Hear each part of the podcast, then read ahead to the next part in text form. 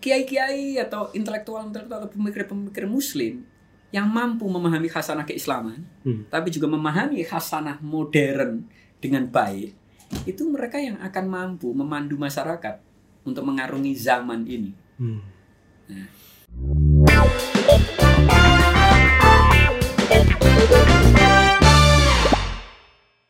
Halo teman-teman, ketemu lagi dengan saya Putut EA, Kepala Suku Mojo. Sore penuh berkah ini teman-teman, karena kantor Mojo didatangi oleh seorang kiai muda. Eh, kiai Safek Ali. Halo bro. Halo, baik ya. kiai aktivis ini. Aduh, aduh, aduh. Kabar mengagetkan lo bro. Iya, Nah, dari awal di sini ya baru main kali ini. Enggak, enggak itu. Aktivis 98 masuk dalam jajaran ketua PBNU. Wah, itu itu bagian dari game plan politik atau gimana itu? Enggak, enggak. Saya enggak punya game plan. gimana gimana gimana? Eh, Ini ya. dong eh, berbagi ini dong info dong. Kok bisa? Ya itu konsekuensi aja karena memang bertahun-tahun apa berkantor di PBNU. Saya udah berkantor di PBNU itu kan dari tahun 96. Awal awal ke Jakarta praktis kuliah ya udah saya berkantor di PBNU karena ikut ngelola tabloid Warta NU waktu itu. Jadi jadi kalau sekarang ya masuk apa kepengurusan harian ya ya konsekuensi karena udah udah bertahun-tahun memang Berarti orang lama di PBNU Oh, malah iya, sebetulnya iya. ya? Ya kayaknya kayaknya termasuk orang yang paling lama itu berkantor di Keramat Raya 164. Ah. Berarti dulu selalu ngurus media ya? ya. Oke, teman-teman, Mas Safik Ali ini selain seorang santri tentu saja nanti kita akan ngobrolin latar belakang santrinya kalau ada yang meragukan ya. Terus aktivis 98 sangat terkenal lah. Gengnya beda geng dengan saya. Satu kanan satu kiri. eh, FPPI ya? Ya. FPPI tengah lah. ya. ya, ya, ya. Kalau kami kanan ya. Forkot. Dianggap ini. Eh, dan termasuk aktivis eh, literasi digital ya. Kayaknya hampir semua perpindahan medium itu Safik Ali selalu ada. Buku zaman booming Iya. punya penerbitan, ya kan? Kita dulu zaman mahasiswa. Zaman sekarang fresh Facebook ya. Facebook ya. Facebook. Eh, Kemarin juga penerbitannya sempat hidup lagi gara-gara ada menjerat Gus Dur. Ya, itu ya bukan menghidupin permintaan. Karena yang nulis apa teman sendiri eh, junior ya, kalau pener ah, nggak ada penerbit yang berani menerbitkan ya kita terbitkan sendiri. Masa gak ada yang berani Loh, oh, Buku mojo ya pasti berani Terus Mendirikan Islami.co Ya. ya. kaosnya itu. Salah satu situs web yang Mencoba menghadang. Waduh. Eh, Apa ya? Takut salah. Aku Gerakan apa ya? Alhabisme gitu-gitu ya? Ya. Boleh dibilang Ya itu nggak yang sih? inilah, yang galak-galak itulah. Hmm. Tapi bukan hanya itu kan? Eh NU online juga ya? Ya. kabeh mbok lakoni bro ya bukan kami dilakoni. Jadi kan ya dari dulu dari kuliah kan memang aktifnya di pers mahasiswa kan. Hmm. sorry kamu dulu itu Di aku sempat kuliah di YIN sebentar. di UIN sini ya Heeh. Sunan Kalijaga. Aktifnya ya di pers mahasiswa arena. arena Saya kira lebih banyak di arena daripada kuliah. Jadi sejak masuk kampus lebih banyak aktif di pers mahasiswa, belajar nulis, eh, ketimbang kuliah memang. Jadi ketika Hmm. ke Jakarta juga eh, akhirnya membantu NU meng- juga mengaktifkan eh, medianya tabloid Warta NU. Ah, Ya sempat waktu demo-demo sempat off lah. Sempat off beberapa lama karena situasinya ini lebih banyak di jalanan daripada berurusan sama buku, menulis atau Iya. edit. hmm. Tapi begitu ya selesai apa hmm, reformasi praktis eh, kembali lagi eh, ke NU waktu itu NU eh, mau bikin portal. Jadi waktu itu ada Mas Abdul Munim DZ yang foundernya, saya hitungannya co-founder gitu ya. Hmm. Nah, di- eh, dibikinin website sama teman-teman UI Nah kemudian ya udah waktu itu Mas Munin mama saya yang eh, mengelola bikin tim Mas Munin waktu itu Pemret sekaligus direktur saya wakilnya.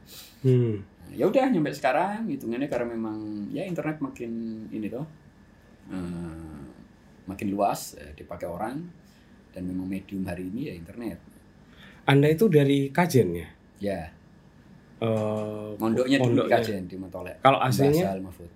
Aslinya saya di Tayu tetangga. Oh. Ya beda 3 kiloan. Iya, nggak jauh kalau Tayu. Ono ya wong wong Tayu ketua Iya. NU Lo sekarang. kan bahasa Mahfud. Oh iya. Mbak Bisri Samsuri itu orang Tayu. Ah, Lah, Mbak Bisri Samsuri kan. itu pendiri malah ya. Iya, Bisri iya. Sam- Iya, Haji Bisri Samsuri. Itu mondok ceritain dong, Bro. Kamu mondok sejak kecil? Ya, saya praktis eh, madrasah di madrasah sendiri karena keluarga saya Bapak Pak mendirikan madrasah Hmm. di Desa Pakis. Eh, jadi eh, Ibtidaiyah Sanawiyah di pondok sendiri, eh, ngajinya dulu di, di Yanik, eh, Yanik Oh, oh. Muhammadun. Yanik Oh, itu- Anda berarti darah biru NU ya? Ya enggak lah gitu. Jadi kayak kampung. Kalau bapak itu mungkin kayak kampung, lola Hmm. masjid dan madrasah. Hmm. Baru kemudian alianya mondok di ya, eh, Matolek ya. Di Matolek Basal Mahfud itu. Itu sampai Aliyah. Ya, eh, aliyah tiga tahun. Baru kemudian pindah ke Jogja. Enggak, saya sempat eh, kuliah di ini apa Institutnya NU di Jepara yang kebetulan rektornya Oh. waktu itu Mbah Sal Mahfud juga karena itu baru berdiri baru Oh. tahun kedua atau tahun ketiga. Saya karena nggak punya ijazah. Jadi Matolek itu kan nggak ikut ujian negara, nggak ikut kurikulum negara. Jadi lulus Matolek itu nggak punya ijazah negara, jadi nggak bisa kuliah.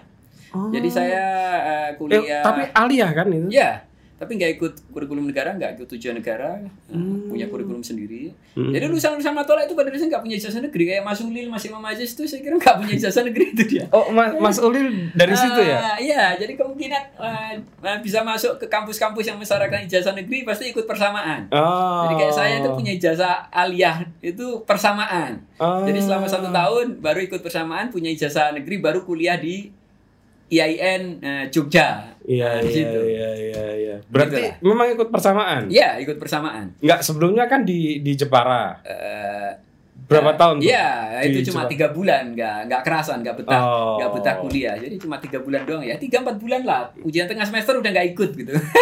Apa yang membuat Anda kemudian memutuskan hijrah ke Jogja? Kok tidak bener-bener fokus ada di pondok pesantren?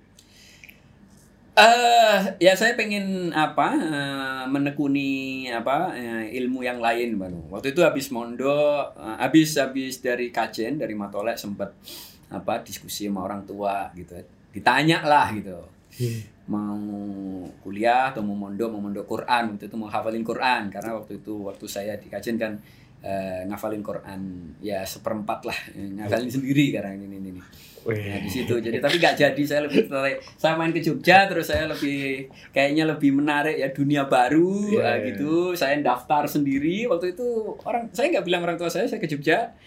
Eh, saya nyari informasi sendiri dari beberapa senior yang ini, kemudian Hmm. saya ke Jogja, saya daftar. Saya tidur di Masjid IAIN Jogja itu. Iya, iya. Itu tahun berapa ya? Eh, tahun 93. 93. Ya, Oke. 93 eh, daftar. Ya udah, saya habis daftar eh, baru saya cerita kalau saya dari Jogja, saya daftar daftar eh, YIN. Hmm. Terus saya, ya udah. jurusan apa, Bro? Syariah. Syariah. Wah. Jurusannya juga ngeri. Ya, ya karena kan dari pondok yang paling relevan jurusannya syariah. Enggak usuludin ngono, eh? enggak, enggak. Ya karena dari kecil belum kenal filsafat. Oke. Ya, dari kecil hitungannya kan buku-buku saya lebih banyak bahasa Arab daripada bahasa Indonesia kan.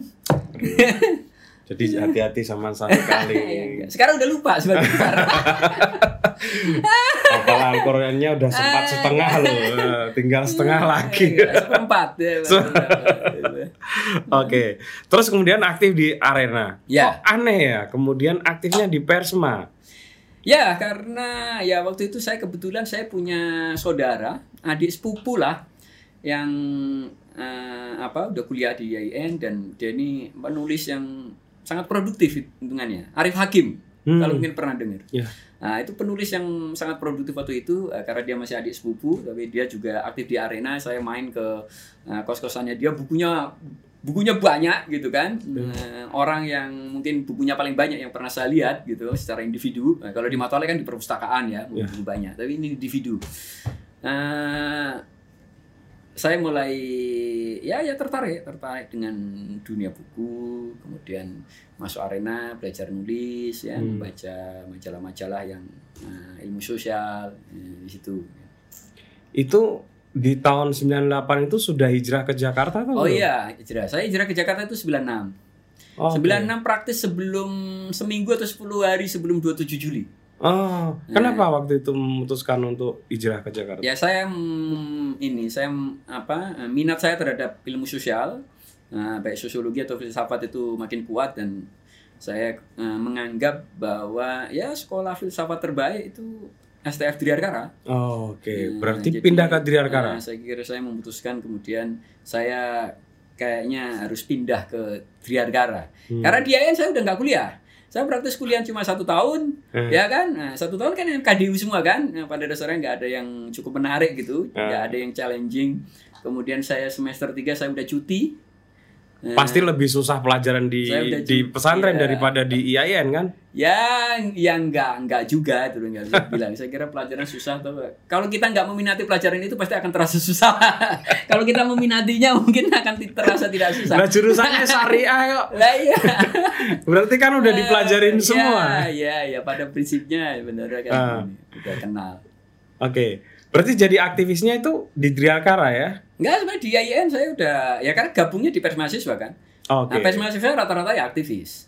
Nah, di Jogja udah diajakin teman-teman demo, udah Hmm. diajakin pelatihan, udah macem-macem lah. KMPD ya waktu itu? Ya, KMPD, KMPD. keluarga mahasiswa pecah dasi. keluarga mahasiswa pecinta demokrasi kalau katanya. Cinta demokrasi ya. Eh, ya, KMPD. Ya. Jadi eh, udah berkenalan, udah dunia aktivis di di Jogja. Hmm. Ibaratnya. Bentrok sama polisi pertama di Jogja, bukan di Jakarta.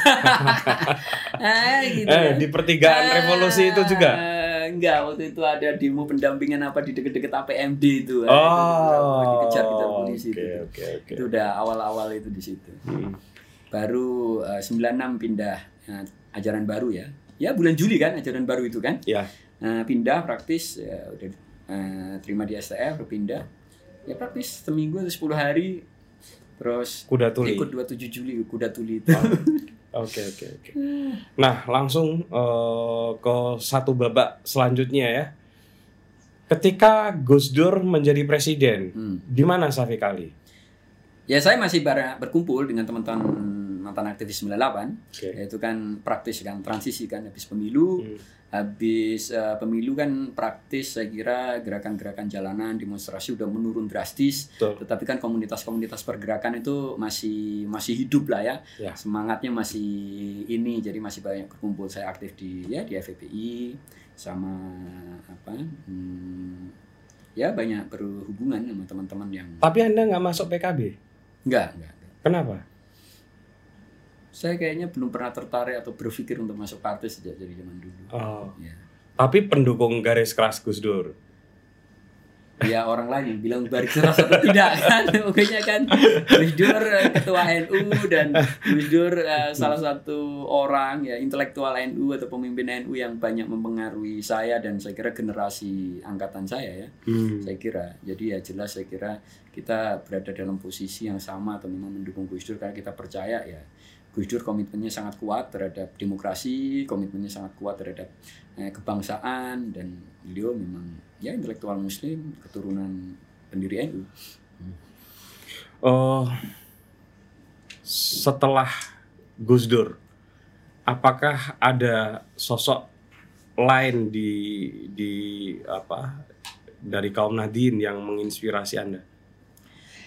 Kalau dikatakan menginspirasi mungkin tidak ada ya yang sekuat Gus Dur Oh, tapi saya banyak bersentuhan dengan adik bungsunya Gus Dur yang sangat esentrik yaitu Gus Im. Saya pada dasarnya lebih banyak bersentuhan sama Gus Im daripada sama Gus Dur, lebih banyak ngobrol sama Gus Im daripada sama Gus Dur, lebih banyak menghabiskan waktu sama Gus Im dan sama Gus Dur. hmm. Dan Gus Im ya sosok yang mungkin memang lebih dekat dengan dunia saya karena dia juga orang jalanan, Hmm. dia juga bisa disebut sebagai aktivis karena memang mendukung eh, anak-anak apa mahasiswa atau aktivis pro demokrasi pada zaman Orde Baru selalu Oke. terlibat di belakang dan seterusnya. Hmm, Secara diskursus juga lebih dekat gitu. Hmm, Jadi saya lebih banyak pada dasarnya bersentuhan sama Gus Im. Jadi mungkin eh, orang setelah Gus Dur yang relatif mempengaruhi mungkin pengetahuan saya, cara berpikir saya atau nyali saya gitu mungkin ya Gus Im. Oke. Bro, eh kamu kan lama di jalanan ya. Hmm. Lama di jalanan terus ya walaupun anak ya pernah menjadi anak IAIN gitu ya, tapi juga kuliah di Biarkara gitu. Tentu itu akan mempengaruhi banyak pemikiran Anda gitu. Tapi kenapa kemudian maaf ya, balik-balik lagi ke NU, ke organisasi tradisional yang Anda Ya itulah Dekat uniknya gitu. NU. NU ini kan kayak rumah gitu kan. Jadi sejauh-jauhnya pergi tuh, Ah. gitu mungkin balik juga di situ. NU sebuah organisasi yang ekosistem sosialnya udah tercipta sedemikian rupa, di mana-mana kita akan ketemu teman sesama NU, Hmm. gitu kan. Eh, dan NU pada dasar concernnya kan juga luas. NU sebagai organisasi keagamaan, concernnya bukan hanya mengembangkan pesantren atau madrasah, bukan hanya pengembangan pendidikan Islam, tapi juga punya concern besar terhadap demokrasi, apalagi eranya Gus Dur. Hmm. Jadi pada dasarnya eh, saya balik ke NU eh, ya mungkin eh, nggak balik juga karena mungkin eh, hampir sepanjang sejarah dewasa saya saya di NU. Hmm. Saya ada di jalanan kan tidak lama-lama amat.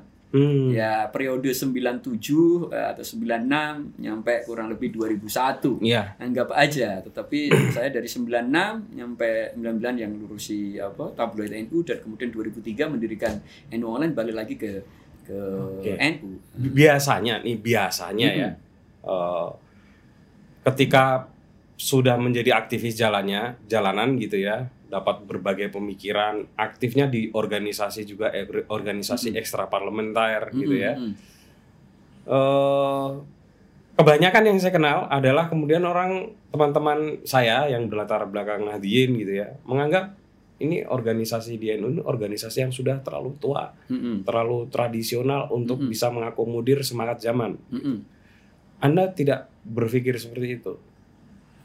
Enggak, saya kira dengan figur seperti Gus Dur eh, agak aneh ketika kita berpikir itu. Gus Dur orang yang sangat memahami NU eh, sebagai organisasi tradisional, eh, bahkan menyebut eh, subkultur pesantren gitu. Artinya Hmm. pesantren itu punya subkultur sendiri yang berbeda Ya. dari masyarakat Muslim Indonesia atau dari masyarakat Indonesia.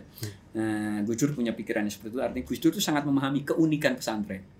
Tapi Gus Dur yang juga sangat paham bahwa NU itu sebuah komunitas besar, organisasi besar yang bisa sangat eh, signifikan kalau dipakai untuk menggerakkan perubahan.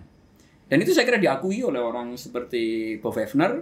Dia menulis bukunya Civil Islam kan eh, pada dasarnya sampelnya NU. Bagaimana sebuah organisasi Muslim yang oleh Barat selalu dipandang tidak sejalan dengan demokrasi, Hmm. Organisasi tradisional yang dianggap eh, setengah feodal atau hierarkis yang nggak cocok juga dengan apa kesetaraan demokratis. Hmm. Nah, tetapi NU membuktikan mampu menjadi salah satu lokomotif demokrasi di Indonesia. Kan Orde Baru nggak mampu sepenuhnya mempenetrasi saya kira Indonesia karena ada organisasi-organisasi seperti NU maupun Muhammadiyah. Nah, saya juga punya cara pandang yang sama bahwa NU sebuah organisasi besar dan punya figur pemimpin seperti Gus Dur. NU bisa menjadi organisasi yang sangat progresif. Dan waktu itu saya kira seorang Gus Dur juga jauh lebih progresif dan lebih punya nyali daripada rata-rata aktivis pro demokrasi zaman itu. Oke, Bahkan Gus Dur sebagai ketua NU dijadikan sebagai ketua Fordem. oke, oke. Eh, menurut Anda apa modal sosial yang dimiliki oleh kaum Nahdien gitu untuk menjadi salah satu lokomotif perubahan sosial? Banyak orang NU yang saya kira makin memahami persoalan-persoalan di luar pesantren. Banyak orang NU yang makin memahami dan mendalami eh, subjek-subjek di luar keislaman. Saya kira dari generasi di atas saya itu saya kira udah muncul. Misal kayak di Jogja ada eh, LKIS gitu kan. LKIS punya concern besar terhadap perubahan sosial. Nah, di situ studi Islam selalu sama eh, studi sosial. Nah, saya melihat eh, seperti itu dan pengalaman saya sendiri, saya menemukan banyak sekali orang yang sevisi atau seperti saya. Saya pindah ke Jakarta, saya tim, tinggalnya di kelompok studi 164 bareng Mas studi? Udil Absor, Oh, oke. bareng dulu Mas Eliasaka Darwis yang juga orang-orang yang progresif ya nah, di NU. Jadi dan di 164 itu banyak sekali aktivis-aktivis dari berbagai kelompok main ke situ. Hmm. Jadi kayak menjadi center, menjadi tempat berkumpul. Oke. Eh, bukan hanya ngobrolin soal KNO, tapi memang ngobrolin urusan hmm, keindonesiaan, kebangsaan, atau demokrasi. Jadi memang eh, 164 sebagai sebuah komunitas di Jakarta dia menjadi tempat berkumpulnya banyak orang, bukan hanya anak-anak NU. Artinya di situ eh, saya melihat bahwa NU bisa menjadi semacam solidarity maker dalam tanda kutip Oke. bisa menjadi tempat bertemu mempersatukan berbagai kelompok. Dan pengalaman saya di Jakarta di Forkot gitu ya saya kira teman-teman NU bisa menjadi ini perekat eh, penghubung. Karena di Forkot itu kan kampus-kampus dari berbagai macam. Mau kampus Islam mau kampus sekuler mau Kristen Katolik Buddha gitu. Itu ada semua dan saya kira teman-teman NU yang mem- saya kira memberi kepercayaan diri untuk kelompok ini eh, bersatu. Nah, Nah di situ, ya saya nggak tahu entah kenapa saya kira secara umum teman-teman ini lebih punya kemampuan untuk untuk nyambung, lebih mudah gitu ya Iya, nyambung sama iya, berbagai kelompok. Nah, Mungkin situ. karena didikan santrinya lah ya, ya. saya tidak tahu persis, Hmm. ya, tetapi bahwa saya menemukan realitas eh, yang seperti itu. Nah, Nah, itu kalau dari sisi kaum Nahdini, Ya. sekarang kita masuk ke yang lebih eh, banyak dipertanyakan orang juga, hmm, yaitu pesantren. Ya. Apakah pesantren itu juga cukup kompatibel dengan perkembangan zaman? ya. Gimana, Bro? Ya kalau kita melihat dari ini ya pesantren eh, kompatibel. Artinya Hmm. eh, NU punya prinsip gitu kan. Hmm, al muhafadzatu alal qadimi sholih wal akhdhu bi jadidil aslah. Oh, gitu kan. cepet-cepet, Bro. Nah, iya. Artinya Apa artinya? dia memelihara sebuah tradisi lama atau nilai-nilai yang lama, kebiasaan lama, prinsip yang yang baik Mhm. dan mm, tidak segan untuk mengambil hal baru yang lebih baik. Artinya tidak resisten terhadap kebaruan. Oke. Nah, saya kira prinsip itu sangat melekat eh, di kiai-kiai, di gus-gus, eh, sehingga itu eh, membuat NU saya kira selalu terbuka terhadap perubahan. Nah, kita bisa saksikan kalau perkembangan pesantren gitu ya. Pesantren dulu gitu ibaratnya make yang namanya produk modernitas gitu lah. Misal TV terus nggak boleh gitu. Tapi ada perkembangannya, oh ini eh, boleh gitu kan. Atau sekarang pesantren nggak boleh pakai HP, udah mulai banyak ini pakai HP. Pesantren dulu masih ada yang eh, apa mm, menabuhkan sosial media. Nyampe pernah ada pesantren yang apa mengeluarkan keputusan musyawarahnya bahwa Facebook itu haram gitu kan. Hmm. Tapi sekarang ya pesantren menggunakan Facebook. Hmm. Tadi eh, saya dan teman-teman habis main ke eh, pesantrennya Gus Irwan Masduki di Melangi, Salafia. Dan Melangi itu pesantren yang sangat eh, ini eh, melek teknologi. Selain memang punya SMK teknologi, tapi seluruh ibaratnya no, absensinya, urusan keuangannya, semua pakai digital, udah cashless Oh. nggak pakai uang ini semua Oh. udah pakai eh, e-money ya uang Hmm. digital untuk ngecek eh, santri ini nilainya gimana rajin atau enggak ini semua untuk ngontrol pakai aplikasi lah. semua pakai aplikasi semua Hmm.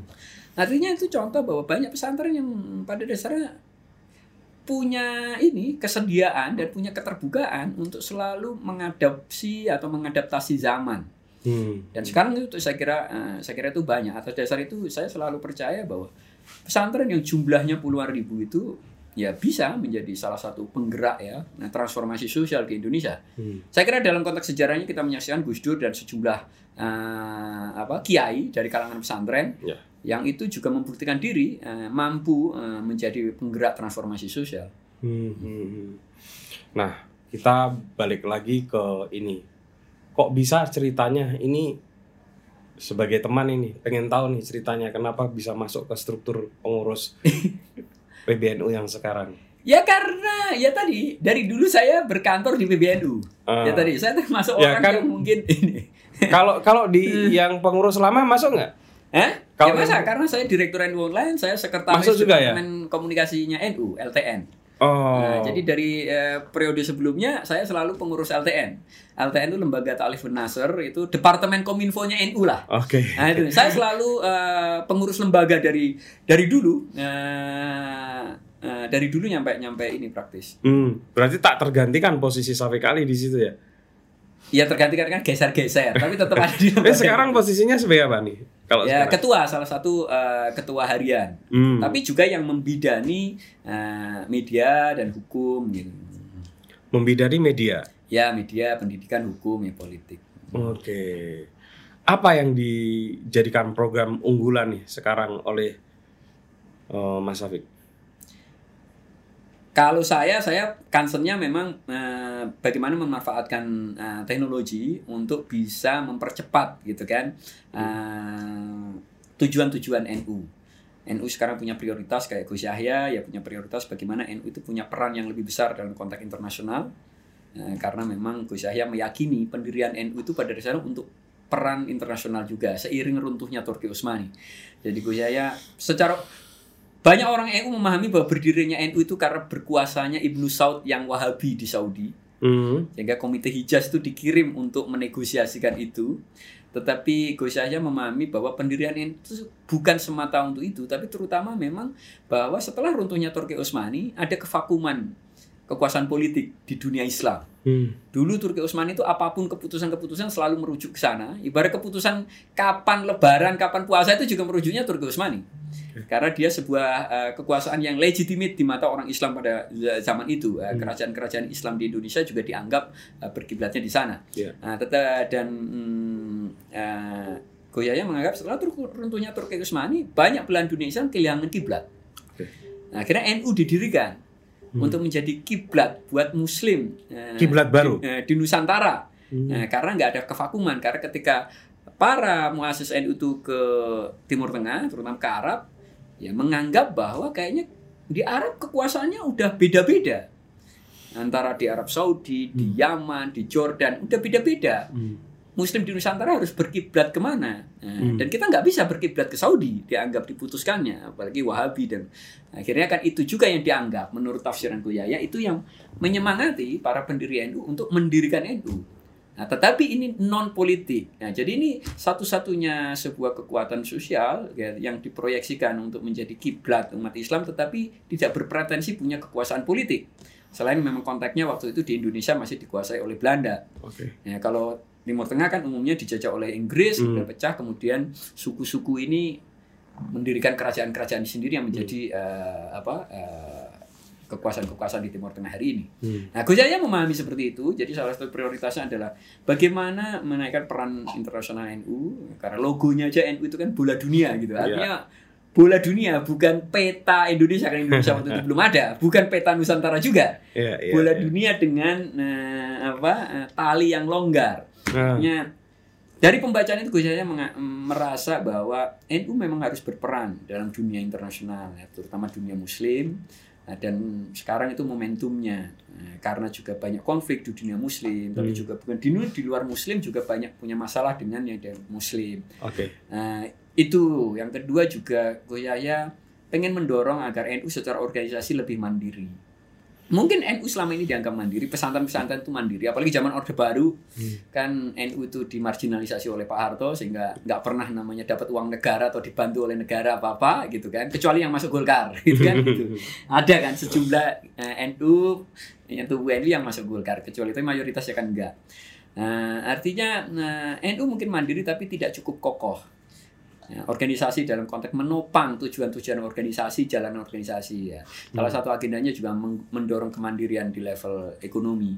Ya. Nah, sehingga ya. bagaimana organisasi mungkin punya unit bisnis, punya unit usaha yang bisa menopang uh, jalannya organisasi sehingga tujuan-tujuan organisasi terutama di bidang pendidikan Islam lah ya. Kan, ya. Organ, NU kan padanya organisasinya ulama. Hanya concern terbesarnya, fokus terbesarnya ya memang pendidikan eh, keagamaan. Bagaimana prioritas-prioritas ini bisa lebih cepat tercapai dan dalam konteks itu teknologi akan sangat membantu.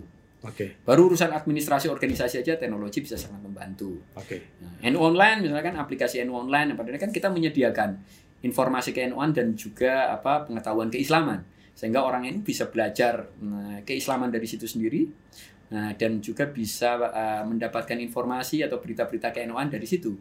Nah, sehingga kita sediakan termasuk ya kita ada fitur-fiturnya mbak ziarah gitu kan. Iya. Jadi kalau apa sih sebetulnya prinsip-prinsip penting yang ada di NU ya, ada di internal NU yang bisa dikontribusikan kepada khalayak internasional? Ya banyak saya kira kan. Hari ini dunia muslim kan sejak beberapa tahun terakhir itu kan dilanda oleh apa hmm, diserbu oleh gagasan yang hmm, uh, ibaratnya ekstrim lah gitu kan. Okay. Ada kelompok-kelompok di dunia Islam yang memimpikan memang khilafah Islamiyah. Hmm. Seperti itu yang berusaha diperjuangkan ISIS waktu di Syria tapi gagal kan, kan Iya. sekarang udah rontok. Nah, dunia Islam menghadapi tantangan seperti itu. Bagaimana dunia Islam menghadapi perkembangan zaman, dunia modern yang makin eh, beragam ini? Hmm. Dulu mungkin orang Muslim itu ya satu kampung atau bahkan satu kecamatan ya Muslim semua gitu ya, tetangganya Muslim. Hari ini kan udah enggak. Hari ini kita hidup di dunia makin terbuka, makin terkoneksi dan makin beragam satu sama lain. Artinya dunia Muslim juga harus mampu eh, menjawab, eh, memberikan fondasi bagi umatnya Hmm. agar mampu hidup di dunia yang makin diverse itu, tidak memaksakan dunia yang homogen. Hmm. Nah, sementara tapi ada kelompok yang berusaha memaksakan dunia yang homogen atau memaksakan eh, superioritas Islam Nah, di situ.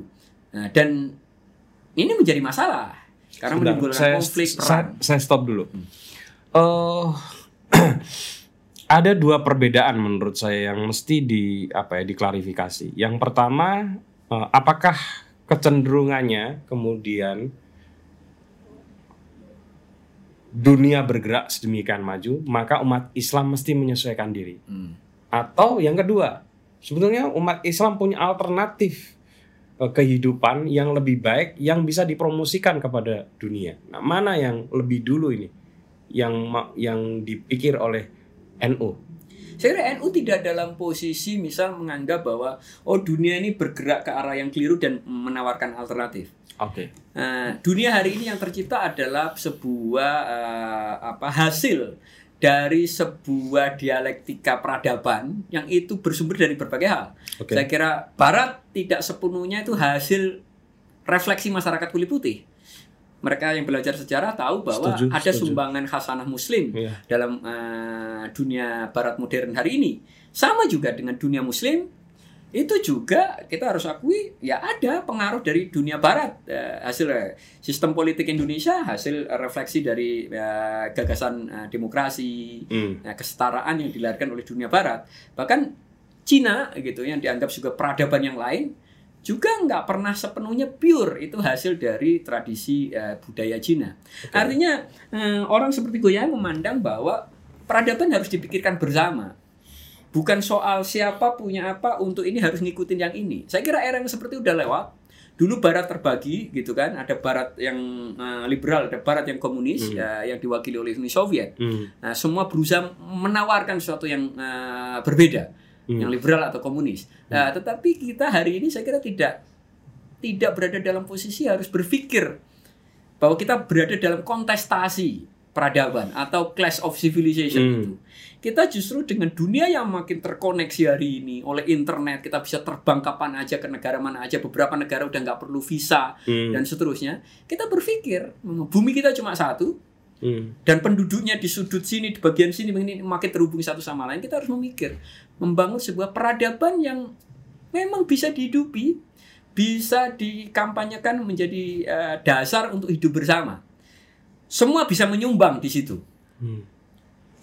Islam bisa menyumbang, Kristen bisa menyumbang, Barat bisa menyumbang, Timur bisa menyumbang. Nah itu saya kira yang harus didiskusikan. Jadi tidak dalam posisi bahwa NU atau apalagi Muslim menawarkan sebuah alternatif dari kehidupan misal Barat atau Barat. Saya kira proyek seperti itu gagal sama dengan Barat dulu berusaha membawa demokrasi liberal itu ke semua tempat dan ternyata gagal. Ya. Nah, saya kira kita tidak eh, harus belajar dari situ. Jadi tidak dalam posisi kita merasa sebuah punya gagasan atau bangunan yang udah jadi yang Ya. perfect. Ya. Kemudian kita tawarkan kepada dunia lain. Oke. Tapi kita harus berpikir bersama. Dan forum-forum itu kan sekarang makin memungkinkan. Sekarang saya kira dalam beberapa tahun terakhir ada banyak sekali forum yang memang melibatkan hmm, hampir seluruh negara. Hmm. Gitu. Nah, mungkin yang paling dikenal memang biasanya forum-forum yang terkait ekonomi ya, Iya. WTO. Iya. Ini Indonesia karena di G20 yang umumnya ya lebih ekonomistik. Oke. Padahal harusnya kita juga bisa membangun sebuah forum-forum yang dalam tanda kutip Ya. tidak bahasannya ekonomi tapi melibatkan semua negara. Hmm. Gitu. Nah, eh, bagaimanapun eh, kan PBNU itu mengklaim kaum Nahdien di Indonesia berapa? Lebih dari separuh Ya, berdasar survei. Pada Iya. PBNU mengklaim karena ada survei yang menyebutkan begitu. Iya, iya, iya. Dan itu banyak sekali ya. Makanya dalam salah satu joke-nya eh, ya mestinya uang untuk PBNU itu separohnya Iya. inilah apa eh apa tuh? Eh ya sekian ratus atau sekian ribu triliun lah Iya. gitu ya. Ya. Itu karena orang NU separuh dari Indonesia. Oke. Tapi itu saya anggap inilah ya joke ya. Yang jadi masalah adalah sebagian besar masyarakat eh, NU sebagaimana yang juga banyak diketahui oleh orang adalah oh, warga yang ada di pedesaan. Ya. Nah, termasuk banyak dari kaum marginal. Tadi Anda sudah bilang ada persoalan ekonomi yang mesti dibereskan oleh eh, PBNU menyangkut umatnya, menyangkut kaum Nahdien. Dalam situasi seperti ini, bagaimana mengelola supaya eh, warga yang jumlahnya separuh dari warga negara Indonesia ini yang mungkin 70 atau 80 persen ada di dalam kerentanan begitu itu bisa diakomodir dan dipercepat menjadi satu kekuatan sosial gitu ya untuk menggotong ini Indonesia menuju ke salah satu oh, percaturan dunia berat sekali rasanya Iya. Ya kalau dipikirin berat, tapi sebenarnya kan enggak juga. Maksudnya gini, tanggung jawab memamurkan warga negara itu ada di negara. Ada di pemerintah. Bukan ada di organisasi sosial. hmm. Yang menerima uang pajak itu negara, Hmm. bukan. Orang NU bayar pajaknya bukan ke NU, bayar pajaknya ke negara. Ya kan? Iya. Seluruh aktivitas orang e- ekonomi orang NU ada dipotong pajak bla bla bla. Saya misalnya punya gaji, pajak saya nggak masuk ke NU, pajak saya masuk ke negara. betul Artinya tanggung jawab negara untuk memikirkan kebutuhan saya sebagai warga negara, basic need dan segala macam. Nah, artinya NU tidak dalam posisi bahwa harus berpikir bagaimana bisa memfasilitasi eh, warganya yang jumlahnya puluhan juta untuk makmur, karena memang tidak berada dalam kapasitasnya. Hmm. Ah, tetapi NU bisa mendesak agar ada kebijakan yang baik di republik ini.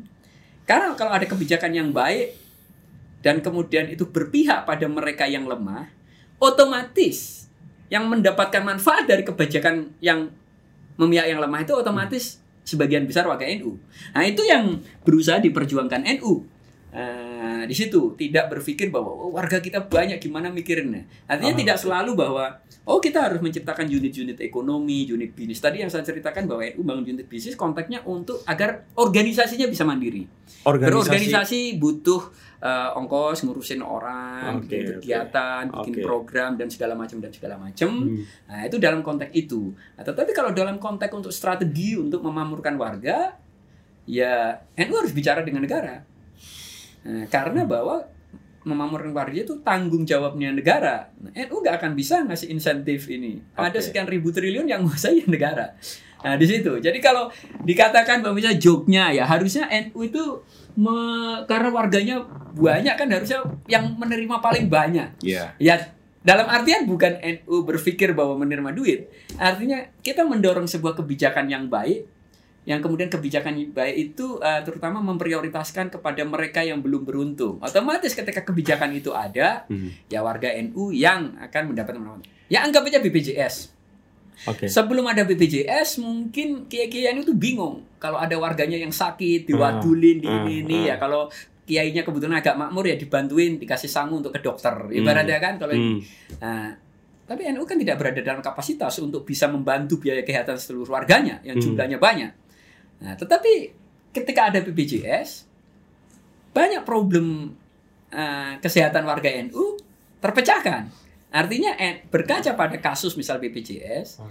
ya NU mendorong agar ada kebijakan yang memang berpihak Hmm. pada warga. Artinya itu sebuah langkah-langkah politik. Ya itu juga yang mungkin menjelaskan kenapa NU tidak pernah sepenuhnya jauh dari pemerintah pada dasarnya sejak jatuhnya Orde Baru, Eh, tapi juga menjaga jarak untuk tidak menjadi kesannya sangat dekat. Ya. Ini karena memang entitasnya pada dasarnya NU civil society yang di tingkat satu dibutuhkan Ya. untuk bersuara ketika ada abuse eh, di level negara. Tapi ngomong-ngomong, kenapa sih dulu itu sejarahnya kok tiba-tiba NU dapat gerbongnya gerbong-gerbong mayoritas yang tidak sejahtera secara ekonomi?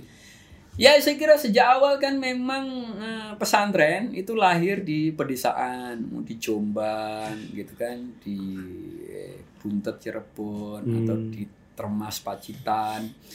Itu kan memang kiai-kiai itu eh, eh, lahir di berasal dari kalangan-kalangan ya, yang eh, rural, yang agrarian. Hmm. Nah, di situ yang zaman penjajahan memang ya relatif miskin nah, dan bukan penikmat dari politik etis zaman Belanda.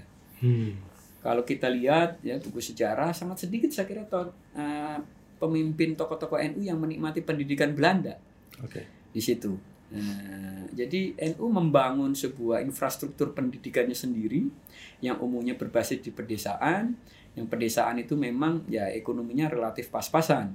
Nah, sehingga ketika Indonesia merdeka juga tetap bahwa mengakselerasi ini eh, menjadi susah. Hmm. Itu satu pertama. Yang kedua memang ya NU pada saat di awal-awal memang hmm, concern utamanya memang eh, pendidikan keagamaan tokoh-tokoh NU adalah lulusan sarjana-sarjana studi keagamaan. Hmm. Sehingga tidak cukup ahli untuk mengembangkan di sektor-sektor lain. Dalam konteks pendidikan keagamaan NU luar biasa punya puluhan ribu pesantren dan madrasah, punya puluhan ribu masjid. Nah, saya menjadi organisasi muslim paling besar bukan hanya di Indonesia tapi saya kira di dunia. Tetapi mungkin di sektor lain NU tertinggal. Karena memang umumnya yang dimiliki adalah sarjana keislaman yang Hmm. dari pesantren, Ya. dari eh, segala macam. Sementara kelompok-kelompok sosial yang lain di Indonesia relatif mereka memang concern utamanya punya pendidikan keagamaan, Hmm. nah, bukan pendidikan keislaman. Hmm. Nah, sementara kan penggerak sejarah itu kan sektor-sektor yang mungkin ekonomi dan segala macam segala Iya. macam. Nah, akhirnya memang ada realitas eh, NU eh, tertinggal, apalagi zaman Pak Harto. NU dianggap kekuatan politik yang dalam tanda kutip patut diwaspadai dengan anggota yang banyak seperti itu. Makanya Pak Harto bikin kebijakan untuk depolitisasi secara umum pada dasarnya. Hmm. Salah satu korban depolitisasinya ya NU. Eh, partai difusikan gitu kan menjadi tiga tujuh tiga tujuh empat hanya menjadi tiga partai udah dibubarin Hmm. ya, sama Pak Harto kemudian NU-nya dimarginalisasi eh, namanya dimarginalisasi kan ya udah nggak nggak diprioritaskan untuk eh, tersentuh program pemerintah Oke. nah jadi NU pada zaman Orde Baru PR-nya adalah urusannya bagaimana survive Oke. Bagaimana menjaga network akan tetap survive. Oke. Tetapi saya kira ya, sejak reformasi saya kira ada mobilitas vertikal yang luar biasa di NU. Hari ini mungkin NU nggak bisa dibilang sebagai kelompok marginal menurut saya. Hari ini saya kira anggota NU yang mungkin berada dalam garis kemiskinan saya kira angkanya dikit. Nah, di situ. Saya tidak tahu persis, saya nggak punya datanya. Jawa Timur yang notabene eh, basisnya NU itu angka kemiskinannya masih relatif tinggi. Jawa Tengah juga lumayan, tetapi saya nah, tidak punya data persis. Dari yang warga Jawa Timur yang berada di bawah garis kemiskinan, itu adalah warga yang NU yang santri atau yang abangan. Hmm. Gitu. Eh, karena kalau saya periksa misal di lingkungan saya di kampung relatif keluarga-keluarga yang santri dalam tanda kutip santri itu artinya sebenarnya lumayan educated ya Iya. walaupun dia di pesantren Hmm. dia belajar ilmu mantek belajar eh, logika belajar benalar dengan benar critical thinking saya melihat secara umum yang santri-santri itu ya ekonominya lumayan lah nggak di bawah garis kemiskinan Hmm. kalau berdasar kamu saya saya kira yang di bawah bawah garis kemiskinan mungkin lebih banyak yang abangan Oke. bukan yang santri Hmm. Hmm. Nah, di situ. Makanya saya merasa sejak reformasi NU nggak bisa lagi dibilang kelompok marginal, mobilitas vertikal udah demikian luar biasa. Anak-anak NU yang kuliah nyampe S2, nyampe S3 udah banyak sekali. Keluarga-keluarga NU yang relatif mapan gitu ya. Kalau zaman saya itu untuk kuliah itu eh, yang punya motor itu bisa dihitung dengan jari gitu ya teman-teman saya yang NU. Hari ini udah banyak sekali gitu kan. Ya. Nah, artinya eh saya kira dalam 20 terak- tahun terakhir saya kira udah ada ada perubahan yang signifikan di NU karena memang NU salah satu penikmat mungkin distribusi ekonomi nah, nah, yang lahir eh, sejak desentral sejak sentralisasi Orde Baru itu rontok. Oke. Kalau kita ngomongin tadi itu beberapa poin terakhir obrolan kita, bukankah itu justru menunjukkan sebaiknya eh, NU dalam hal ini adalah PBNU memang seharusnya justru mempunyai kekuatan politik. Tapi kenapa di uh, kepengurusan kepengurusan sekarang seolah-olah justru PBNU pengen menjauh dari politik praksis? Ya karena memang tujuannya berbeda. Nah, satu. Istilah gue saya bahwa tanggung jawab terbesar NU kan memang urusan uh, kehidupan keagamaan, memastikan ini dan riayatul ummah Hmm. tuh rumah ya melayani, merawat, ini masyarakat. Hmm. Politik punya prioritas-prioritas tertentu. Uh, politik berujung pada posisi formal kekuasaan dan posisi kekuasaan itu harus diperjuangkan dalam politik elektoral. Hmm. Kita bisa saksikan hari ini walaupun pemilu masih 2024, yeah. tetapi namanya semua partai politik itu semuanya udah kerjanya orientasinya elektoral Betul. untuk dapetin suara. Yeah. Nah, di situ. Kalau NU ikut-ikutan, nah, gitu ya, uh, orientasinya elektoral, ya nanti warganya nggak keurus. Ada sekian ribu pesantren yang harus dipikirkan bagaimana mampu mengadaptasi zaman dan menjadi lebih maju. Nah, Sorry, aku potong ya. Hmm. Uh, tapi itu punya risiko ya. bahwa nanti ketika uh, satu rezim kemudian berkuasa kembali, gitulah siapa pun pemenangnya ada kemungkinan kemudian uh, kaum Nadine nggak dapat kue yang cukup. Saya kira itu ke kemungkinan yang kecil. Karena begini, NU tidak perlu terlibat rame-rame elektoral ya jauh-jauh hari seperti sekarang gitu ya. Hmm. Tetapi ketika menjelang hari H, saya kira bukan hal yang sulit untuk memberi arahan dalam tanda kutip kepada warga NU. ya kan? Jadi kita sekarang harus fokus sebagai organisasi sosial keagamaan, harus fokus pada prioritas kita sebagai organisasi sosial keagamaan. Uh, iya, iya. Ya kan ngurusi dunia pendidikan, eh, madrasah, masjid, pesantren, yeah. sambil belajar untuk mengurusi ekonomi. Tapi ya tadi bahwa ekonomi itu tanggung jawabnya negara. Yeah. Kita harus mengupayakan gitu kan pemerintahan Pak Jokowi yang nyampe 2004 itu kebijakan-kebijakannya pro mayoritas warga negara ya hmm. kayak gitu. Nah kalau urusan elektoral itu nggak usah dikerjain jauh-jauh hari. Hmm. Nanti kerjaan utama kita nggak kepegang, istilahnya gitu. Itu ya udah dibiarin aja ini. Biarin aja yang mau nyalon keliling ke mana-mana, hmm. biar nanti apa elektabilitasnya naik, biar nanti memenuhi syarat pencalonan. Eh, nggak perlu pusing dengan itu. Ngapain pusing? Nggak, nggak, hmm. nggak, nggak timbul kekhawatiran begini. Nanti begitu sudah ada pemenangnya, terus uh, N, uh, PBNU berusaha untuk mengangkat vokasi warganya Ah, kamu dulu nggak membantu kami? Ya, saya kira uh, untuk menjadi pemenang, uh, saya kira banyak pihak sadar untuk berbicara dengan NU. Ya. uh, gelagatnya begitu gelagatnya. Mereka-mereka yang pengen memenangi pertarungan elektoral ini biasanya memang akan datang ke NU. Itu pekerjaan mereka, bukan pekerjaan kita. Oke. Okay, okay. Nah, gitu. Kita masih punya pekerjaan lain sebelum 2024 ini yang harus diselesaikan. Tapi urusan nyoblos itu urusan gampang. Yeah. Nah, kalau memang bahwa uh, eh, NU misalnya sebagai kalau PBNU itu memang apa hmm, dianggap legitimate, dipercaya warganya untuk memberi arahan politik hmm. di situ, hmm. ya itu bisa cuma satu bulan, dua bulan, tiga bulan sebelum pemilu aja udah bisa melakukannya. Hmm. Gak perlu kita ikut-ikutan mengerahkan energi untuk kerja-kerja perolehan suara. Hmm. Hmm. Oke. Okay balik lagi deh ke soal uh, pengurus PBNU yang sekarang. Begitu nyaring gaungnya untuk menghidupkan lagi pemikiran Gus Dur. Ya.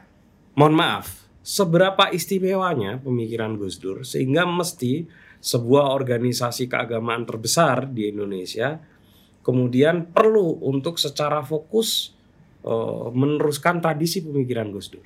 Ya, Gus Dur uh, pemimpin dan sekaligus pemikir yang saya kira uh, paling awal menyadari bahwa ada ketegangan-ketegangan antara nilai-nilai Islam dengan nilai-nilai modern. Okay. Termasuk demokrasi. Yeah. Ini produk modernitas. Okay. Gus Dur adalah salah satu orang yang menyadari pentingnya itu dan itu yang akan dihadapi orang ini.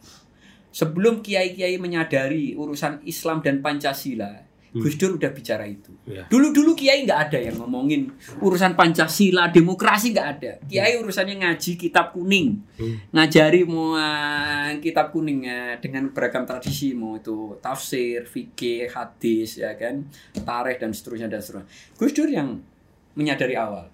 Dan sekarang bahwa kiai-kiai atau intelektual-intelektual atau pemikir-pemikir muslim yang mampu memahami khasanah keislaman, Hmm. tapi juga memahami khasanah modern dengan baik, itu mereka yang akan mampu memandu masyarakat untuk mengarungi zaman ini Hmm.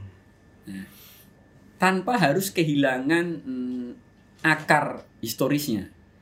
Gus Dur punya gagasan tentang pribumisasi Islam. Hmm. Di situ uh, beliau berpikir justru dengan itu Islam itu pada dasarnya memang uh, bisa berakar kuat Hmm. karena nggak berusaha membawa sesuatu yang kesannya asing dari luar lalu ditancapkan per.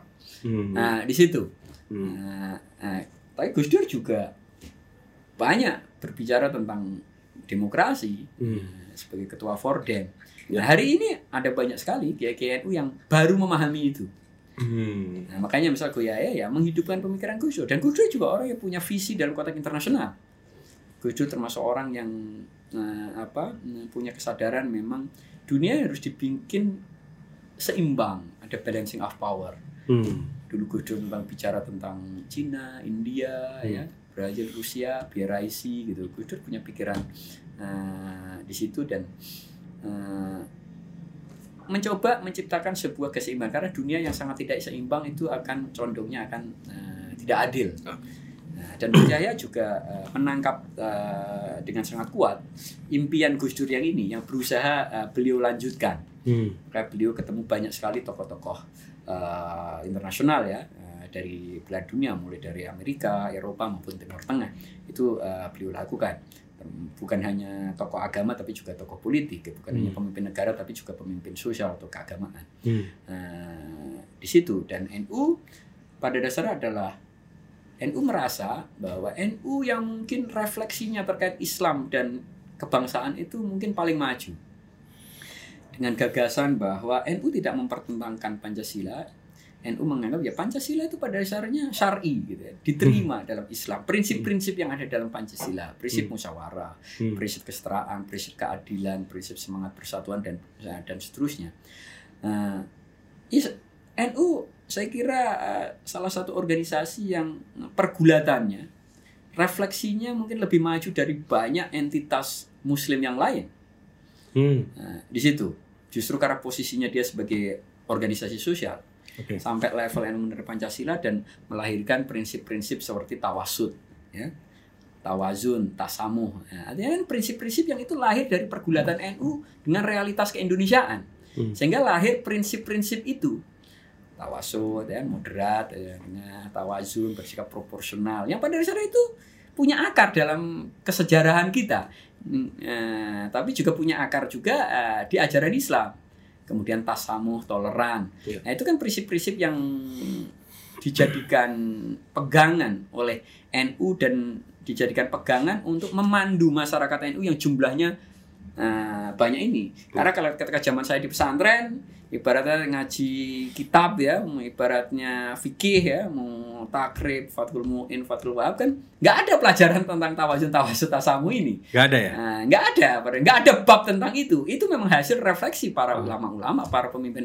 NU terhadap realitas eh, keindonesiaan. Atau hasil dialog antara eh, apa eh, dialog keislaman dengan keindonesiaan. Bro. Dan itu saya kira relevan untuk dibawa ke ranah yang lebih besar yaitu dalam konteks eh, kehidupan internasional atau pergaulan dunia. Ya. Bro, dunia ini sekarang sedang mencari titik keseimbangan baru ya.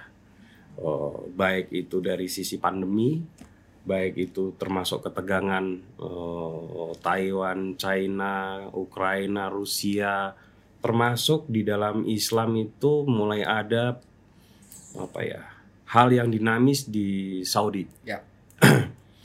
nah, sementara eh, kita melihat bahwa generasi yang dulu disebut sebagai kaum sarung gitu ya, sedang me- terus dinamis mengalami berbagai fase kebangkitan. Menurut Anda, apakah mungkin eh, dalam waktu yang tidak terlalu lama Indonesia akan menjadi sentral yang dilihat eh, secara internasional gitu ya, menghasilkan para pemikir-pemikir Muslim yang kelas dunia. Eh, saya tidak berani menjawab itu. Eh, kita punya tantangan ya nah, di Indonesia. ulama-ulama kita, termasuk ulama-ulama NU yang menulis dalam bahasa Arab Mhm. itu masih sangat sedikit. Hmm. Dan kita memang tidak punya kesejarahan yang sangat kuat terkait imperium Islam. Oke. Saya banyak keliling nah, ke Eropa, ke Amerika, saya ketemu banyak imam lulusan Al Azhar, kan, lulusan Tunis, Maroko atau lulusan eh, Saudi. Hmm. Saya merasa punya perasaan bahwa memang eh, Timur Tengah dan Afrika dan itu lebih merasa punya superioritas dalam tanda kutip tertentu karena mereka mewarisi sejarah panjang Islam imperium-imperium Islam ada di sana Hmm. Di Nusantara nggak ada imperium Islam Ya, iya. ya kan Terakhir Tapi ada Kristen. tapi ada puluhan ribu pesantren. Eh, ya tetapi itu tidak tidak diketahui oleh Muslim di Timur Tengah oleh Muslim di Afrika oleh Muslim di Turki Hmm. itu problemnya Oke. dan sebagian besar mereka memang tidak mengenal kitab-kitab yang ditulis oleh ulama-ulama Nusantara Hmm. Uh, walaupun kita kenal Syekh Mahfud Termas, Syekh Nawawi Iya. Al-Bantani, ya, tet- tetapi mayoritasnya tidak mengenal dan ulama-ulama kita yang hari ini nah, itu memang sangat sedikit yang mampu berbicara terhadap publik Muslim di Timur Tengah, di Afrika maupun di Turki atau Eropa. Hmm. Nah itu ada tantangan besar uh, buat Muslim Indonesia atau khususnya NU, saya kira atau Muhammadiyah juga untuk benar-benar mampu uh, dalam tanda kutip uh, mengambil kepemimpinan dunia Islam. Oke. Itu satu tantangan. Hmm. Nah, kita dianggap tidak punya legitimasi historis Oh. untuk itu. Saya merasakan itu karena saya ketemu dengan Tapi kalau dari itu. sisi basic keilmuan sebetulnya gimana? Ya, kalau basic keilmuan, nah, saya kira di NU memang banyak sekali. Ahli fikih ya, misal beberapa waktu lalu ada saya salah satu saya Al Azhar yang ke Indonesia bersentuhan dengan sejumlah kiai NU, kiai, Hmm. nah gitu kan, Hmm. kiai Afifuddin, Hmm. itu saya kira kiai-kiai itu sangat memahami dan mengetahui bahwa kiai NU itu juga menulis kitab dalam bahasa Arab. Nantinya baru tahu Hmm. Nah, dan berbincang itu mengaku keilmuannya. Tetapi ya tadi bahwa kita terlalu sedikit khasanah tertulisnya. Kita harus akui tradisi Nusantara atau di Jawa khususnya yang menjadi basisnya ini tradisinya itu oral, lisan. Oke. Tradisinya lisan, Hmm. tidak dalam tradisi tulisan. Hmm. Nah, di situ sebelum era internet, sebelum era YouTube, sebelum era podcast, lisan itu kan ya menguap begitu saja. Iya. Kan kita nyampe mengenal ungkapan apa yang tertulis itu akan abadi sementara yang terucap akan berlalu bersama angin gitu loh.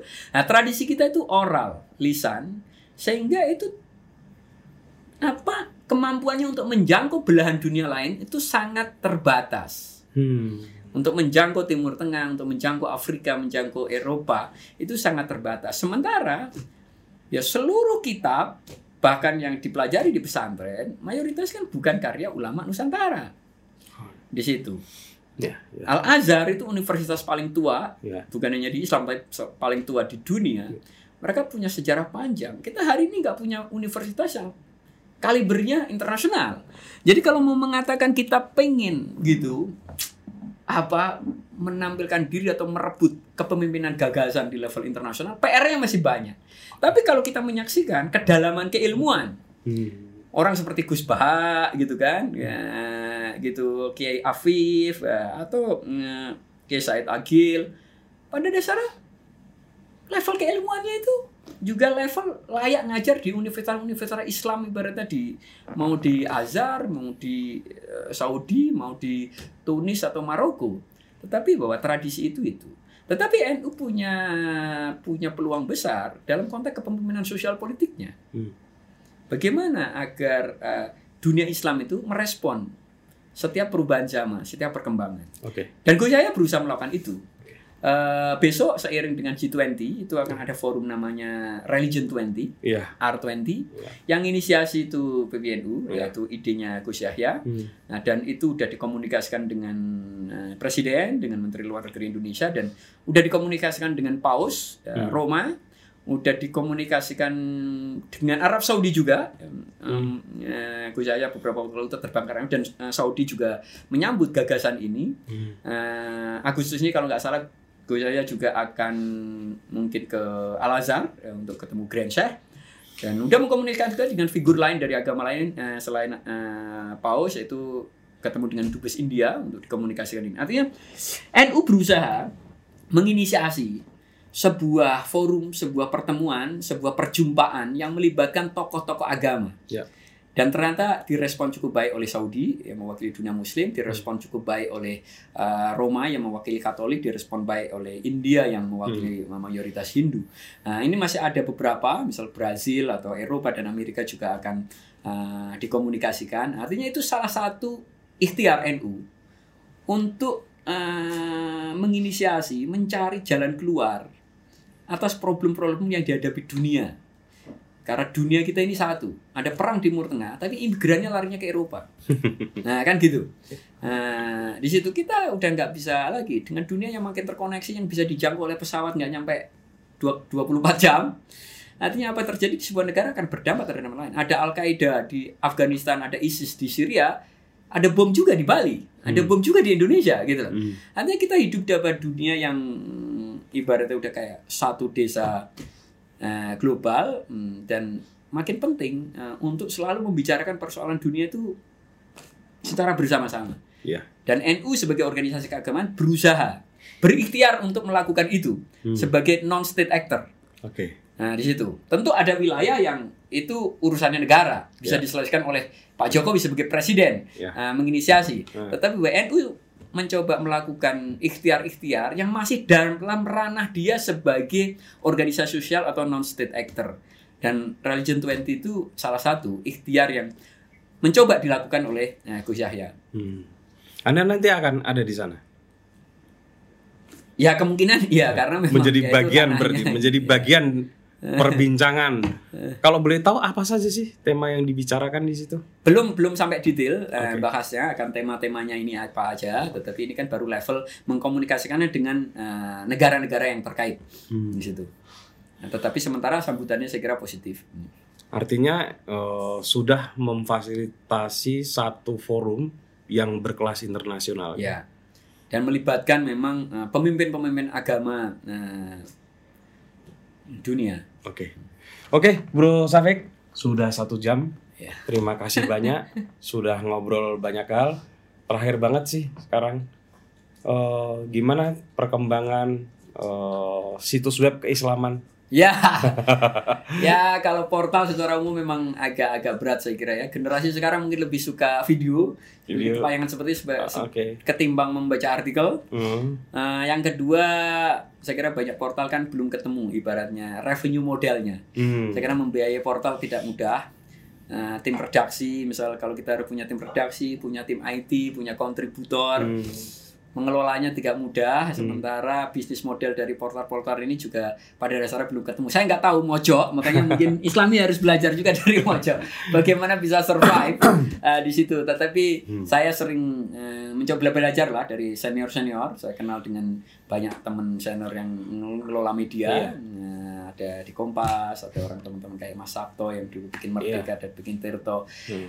Ya banyak ngobrol karena pada dasarnya ya portal ini masih struggling Iya. dan mungkin akan makin berat nah, untuk menemukan Bisnis model yang bisnis tepat. model yang pas Iya. agar bisa survive, agar bisa tumbuh dan berkembang. Oke. Jadi kalau ditanya bagaimana situasinya ya ya struggling. Masalahnya adalah bukan di situ Eh. yang saya sed- sedang concern adalah eh tadi kan kita sempat ngomongin beberapa hal ya yang menyangkut eh, sekarang pun yang dari sisi sebelah gitu Ya. ya. Itu kan juga masif betul, ya. betul. Eh, punya kekuatan yang luar biasa Ya. di media sosial Ya, ya. maupun di Ya. dunia internet Ya. gitu ya. Sementara kalau orang-orang seperti Anda gitu ya eh, terpontal-pontal untuk mengurus itu Ya. lalu wacana yang tadi sempat kita omongin gitu ya bisa jadi tidak akan mudah untuk kemudian terjadi karena kesadaran masyarakatnya kemudian lebih fokus pada hal-hal yang bahwa Islam itu tidak perlu maju, tidak perlu dinamis karena apa-apa sedikit serba haram, ya kan? Urusannya hanya dengan surga dan neraka, dunia itu tidak terlalu penting dan lain sebagainya. Gimana tuh, Bro? Saya, saya sih masih optimis ya, artinya eh, sejarah Indonesia ini udah 70 tahun, NU sendiri udah hampir 100 abad. Dan saya percaya bahwa eh, kita akan bisa menemukan jalan gitu ya. kita akan bisa menemukan jalan. Kalau di NU kan ibaratnya nih, kalau orang bisa konsisten itu selalu ada ke- keajaiban. Nah, makanya ada ungkapan al istiqamah khairum min alfi karomah itu kan di situ. Oh. Jadi kita selalu percaya sama dengan dulu NU online itu waktu muncul 2003 itu kan yang baca dikit karena orang NU kan nggak punya akses internet kan. Untuk Oke. internet dulu pakai telepon kabel. Orang NU nggak pada punya telepon kabel. Oke. Nah, sementara eh, yang web-web yang mungkin lebih ultra konservatif atau yang radikal ya pro Hmm. kekerasan tuh Hmm. banyak waktu itu gitu Ya. kan karena dapat dukungan dari kelompok-kelompok tarbiyah yang kelas menengah Ya. Nah, di situ. Tetapi eh, beberapa tahun ini saya kira NU Online eh, itu bisa menjadi portal yang masuk salah satu yang paling dibaca banyak orang. Sempat saya kira mungkin ya paling ya nomor satu, nomor dua urut-urutan lah salip-salipan gitu ya. NU Online selalu bisa mempertahankan posisi menjadi website keislaman yang paling banyak dibaca orang. Hmm. Gitu. Apalagi sekarang kita punya aplikasi baik di Android maupun di App Store, artinya juga makin relevan dengan banyak kelompok. Artinya dulu kita merasa itu berat banget untuk mengejar ketertinggalan yang terlalu jauh. Oke. Tapi hari ini dalam konteks pengalaman Indonesia kita bisa mengejarnya Hmm. di situ. Memang di beberapa sektor. Dulu kita merasa susah sekali ustadz-ustadz yang salafi ultra konservatif gitu ya, perempuan harus di rumah, musik haram, berhala harus dihancurkan, bla bla bla gitu lah. Itu dominan banget kalau disurvei dari ini. Sementara kiai-kiai kayak Gusmus, kayak Pak Kures, Kiai Said Agil atau kiai-kiai NU yang lain tidak cukup populer di sosial media. Tetapi hari ini di NU ada Gus Baha yang mungkin videonya paling banyak disirkulasikan orang. Walaupun subscriber apa YouTube resminya itu mungkin masih kalah. Tetapi saya kira videonya direproduksi dan disirkulasi sangat banyak. Artinya saya percaya bahwa hmm, ketika kita itu konsisten konsisten bekerja ya, konsisten berikhtiar Hmm. itu akan selalu ada hal-hal yang tak terduga Hmm. Nah, NU selalu percaya pada momentum dan hal-hal tak terduga. Dalam urusan rezeki aja NU percaya rezeki min haitsu la yahtasib. gitu kan? Jadi kalau orang nggak berhenti, jika kamu tidak pernah berhenti itu akan selalu ada, Ada, aja ya. tikungan yang membuat kita itu mungkin eh, bisa mengejar ketertinggalan itu. Jadi saya masih optimis di tengah di tengah problem ini. Oke. Dan NU punya punya kekuatan di luar dunia online. Ya. NU punya ribuan pesantren eh, dengan kira jutaan santri. Artinya NU eh, saya kira online makin penting, tapi saya kira dalam konteks pertarungan sejarah NU, NU online itu tidak cukup. Oke. Bahwa kaki-kaki tiang-tiang di wilayah-wilayah sosial itu juga sangat-sangat penting dan NU saya kira eh, Harus cukup kerja kuat nyata ya. di sektor itu. Oke. Bro, makasih banyak. Eh, Sama-sama. Begitu teman-teman, obrolan saya dengan salah satu jajaran ketua PBNU yang masih cukup muda dan mewar akan mewarnai dunia pemikiran di Indonesia, apalagi dengan backgroundnya sebagai aktivis dan aktivis literasi digital. Makasih bro. Sama-sama. Ini harus pakai salam. Assalamualaikum. Waalaikumsalam. Sampai ketemu dengan tamu saya selanjutnya. Yes.